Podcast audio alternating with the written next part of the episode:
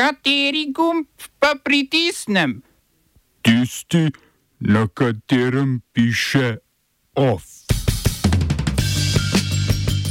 Po prvem krogu ekvadorskih volitev vodi Luisa González, kandidatka stranke Rafaela Correa.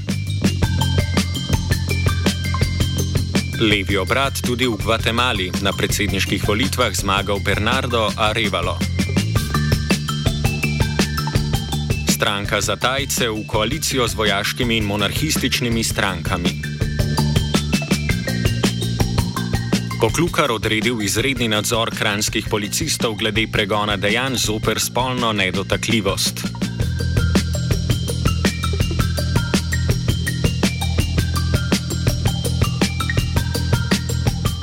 Na predsedniških volitvah v Gvatemali je skoraj 61 odstotki zmagal socialdemokrat Bernardo Arevalo, ki je premagal konzervativno kandidatko Sandro Torres.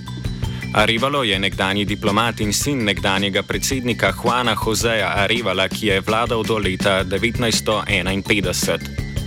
Arevalo bo januarja zamenjal predsednika Alejandra Džamateja, ki je med državljani nepriljubljen zaradi zatiranja staroseljcev, kmetov in sindikalistov. Pred volitvami je kandidaturo Arevala poskusil preprečiti državni tožilec, ki je v začetku julija suspendiral njegovo socialno-liberalno stranko Gibanje Seme. Tožilec je preiskoval, ali je pri zbiranju podpisov za oblikovanje stranke prišlo do nepravilnosti, česar na koncu ni ugotovil. 25. junija so s prvim krogom predsedniških volitev potekale tudi parlamentarne volitve, na katerih je 39 sedežev v 81-članskem parlamentu dobila konzervativna stranka Vamos, ki jo vodi Džamatej. Arevalovo gibanje Seme je dobilo 23 sedežev, zato bo težko sestavil vladno koalicijo.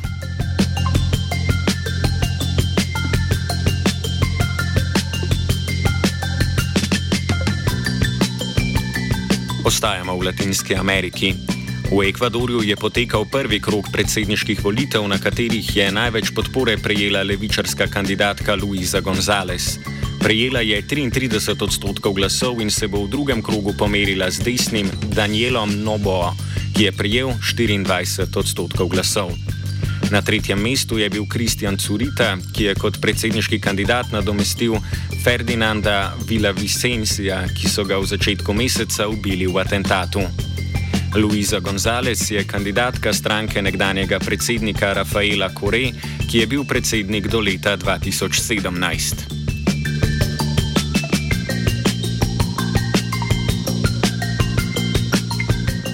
Še na sever. Loro N. Carlton, lasnico trgovine z oblačili v Kaliforniji, so umorili v konfliktu zaradi izobešanja zastave ponosa. Neidentificirani moški je pred trgovino nasprotoval izobešanju zastave in pozval lasnico naj jo sname. Ta tega ni želela storiti, zato jo je moški ustrelil. Storilca je policija ubila med begom, njegova identiteta pa še ni znana.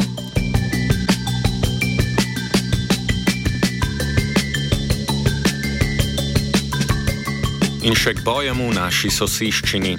Ženska mreža Hrvaške in druge organizacije so pred Hrvaškim ministrstvom za pravosodje organizirale protestno akcijo Varnost žensk, odgovornost države v spomin na umorjeno Nizamo Hečimovič in v podporo ženskam Bosne in Hercegovine, ki se zauzemajo za učinkovitejše preprečevanje nasilja nad ženskami v državi.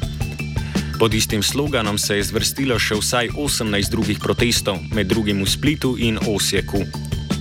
Prav tako so bili protesti organizirani po najmanj 11 mestih v Bosni in Hercegovini. Nizamo Hečimovič je nekdani mož ustrelil strelom v glavo, umor pa prenašal v živo po družbenih omrežjih. Hrvaške aktivistke od Ministrstva za pravosodje in upravo zahtevajo, da se femicid v kazenskem zakoniku opredeli kot posebno dejanje in da se vsako nasilje nad ženskami opredeli kot nasilje na podlagi spola ter kot predmet kaznivega dejanja, ne prekršek. Zahtevajo tudi sprejetje nacionalne strategije za boj proti femicidu, delo na področju preprečevanja tovrstnega nasilja in ustanovitev delovne skupine, ki se bo s tem ukvarjala. Lani je bilo na Hrvaškem 13 žrtev femicida, v tekočem letu pa 4.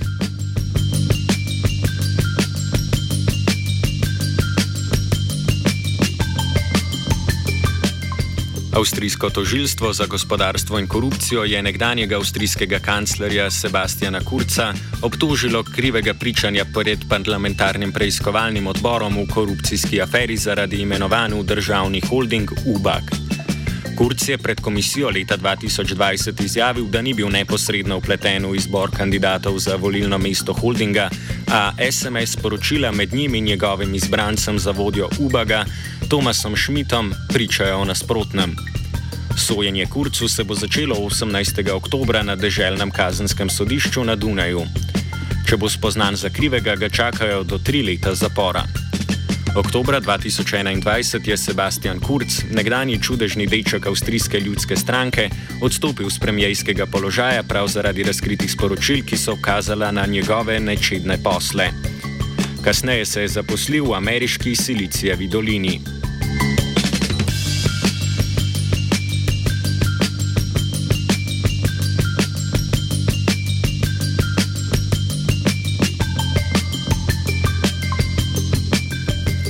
Stranka za Tajce je sporočila, da bo koalicijo sestavila z desetimi strankami, med katerimi sta tudi stranka Združenega tajskega naroda in stranka Ljudska državna oblast, ki podpirata vojaško vladavino. Član prve je premijer v odhajanju Prajut Čano Ča, ki je kot vrhovni poveljnik tajske kraljeve vojske leta 2014 izvedel državni udar. Čan Očaj je sicer po porazu na majskih volitvah, na katerih je zmagala protivojaška stranka Korak naprej, dejal, da se bo iz politike umaknil. Podpredsednik vlade v odhajanju in član stranke Ljudska državna oblast je Pravit von Suvan, ki je vodil svetovalni odbor vojaške hunte po državnem udaru. Jutri bo tajski parlament tretjič glasoval o mandatarju, tokrat se bo za mesto potegoval nepremičninski mogotec Seta Tavisin iz stranke za Tajce.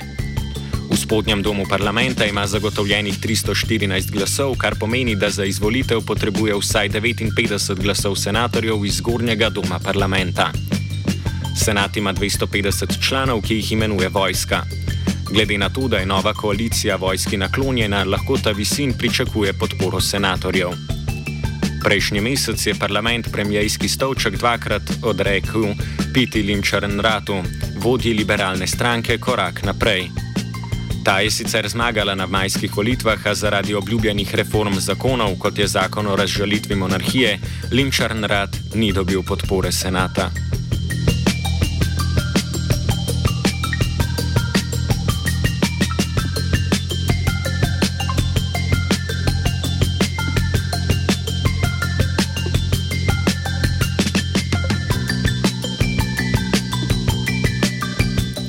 Med marcem leta 2022 in junijem letos je po poročevanju nevladne organizacije Human Rights Watch Saudska mejna straža na meji izjemno pobila na stotine etiopskih beguncev. Straža je proti imigrantom uporabljala eksplozivno in streljno orožje, v nekaterih primerjih so jih vprašali, v kateri ud naj jih ustrelijo in jih na to od ustrelili od blizu. Straža je pobijala tudi imigrante, ki so poskušali pobegniti nazaj v Jemen in otroke. Na Human Rights Watch, ki ima sedež v New Yorku, so intervjuvali 42 ljudi, vključno s 38 etiopskimi imigranti in prosilci za azil, ki so poskušali prečkati jemensko-saudsko mejo, ter štiri bližne, bližnje tistih, ki so mejo poskusili prečkati. Poleg tega je organizacija analizirala več kot 350 posnetkov in fotografij objavljenih na družbenih omrežjih in več sto kvadratnih kilometrov satelitskih posnetkov. Human Rights Watch pobijanje migrantov na meji med Jemnom in Saudovo Arabijo dokumentira od leta 2014 in opozarja, da sta se število pobojev in krutost straže v času dokumentiranja najnovejšega poročila povečala.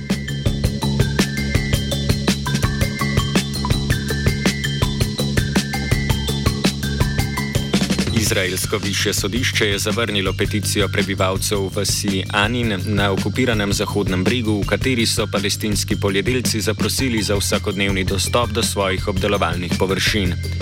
Trenutna zakonodaja prebivalcem Anina dovoljuje obisk njihovih zemljišč zgolj dvakrat na teden, peticijo proti temu pa so prebivalci vložili že leta 2007.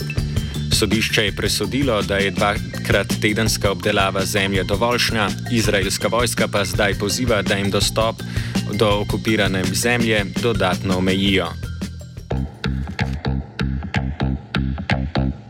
Smo se osamosvojili, nismo se pa osvobodili. Naslednje število je še 500 projektov izpiljene modele, kako so se strani nekdanje LDS rotirali. Ko to dvoje zmešamo v pravilno zmes, dobimo zgodbo o uspehu. Takemu političnemu razvoju se reče udar. Jaz to vem, da je nezakonito, ampak kaj nam pa ostane? Brutalni obračun s politično korupcijo. To je Slovenija, tukaj je naša zemlja, to je Slovenija, Slovenija, Slovenija. Notranji minister Boštjan Poklukar je odredil izredni nadzor nad delom policije pri odkrivanju in preiskavi kaznjivih dejanj zoper spolno nedotakljivost na območju policijske uprave Kran. Nadzor bo usmerjen v obravnavo kaznjivih dejanj zoper spolno nedotakljivost iz 19. poglavja kazenskega zakonika, obveščanje in sodelovanje policije s pristojnimi institucijami ter dosledno izvedbo vseh zakonitih ukrepov za zaščito žrtev kaznjivih dejanj. Časopis Dnevnik je pretekli teden poročal, da policija preizkuje očitke o spolnem napadu na mladoletnico, podane zoper ravnatelja ene od gorenskih šol, nekdanjega smučarskega tekača in trenerja. Po poročanju Pop TV-ja so policisti osumljenca pridržali ter ga privedli na okrožno sodišče. Tam je preiskovalni sodnik za osumljenca odredil prepoved približevanja. Policija po informacijah televizije ni razširila preiskave in ni zaslišala drugih potencialnih žrtev ter prič.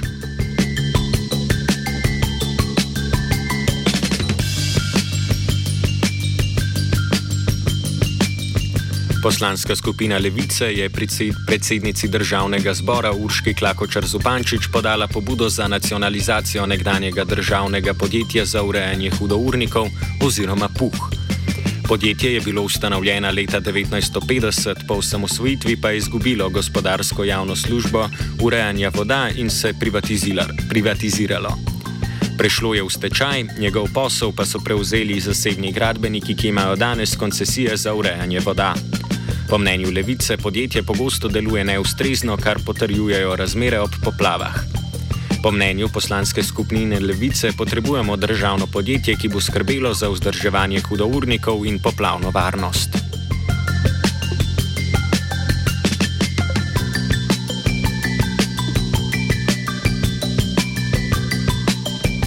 OF je pripravila Neva.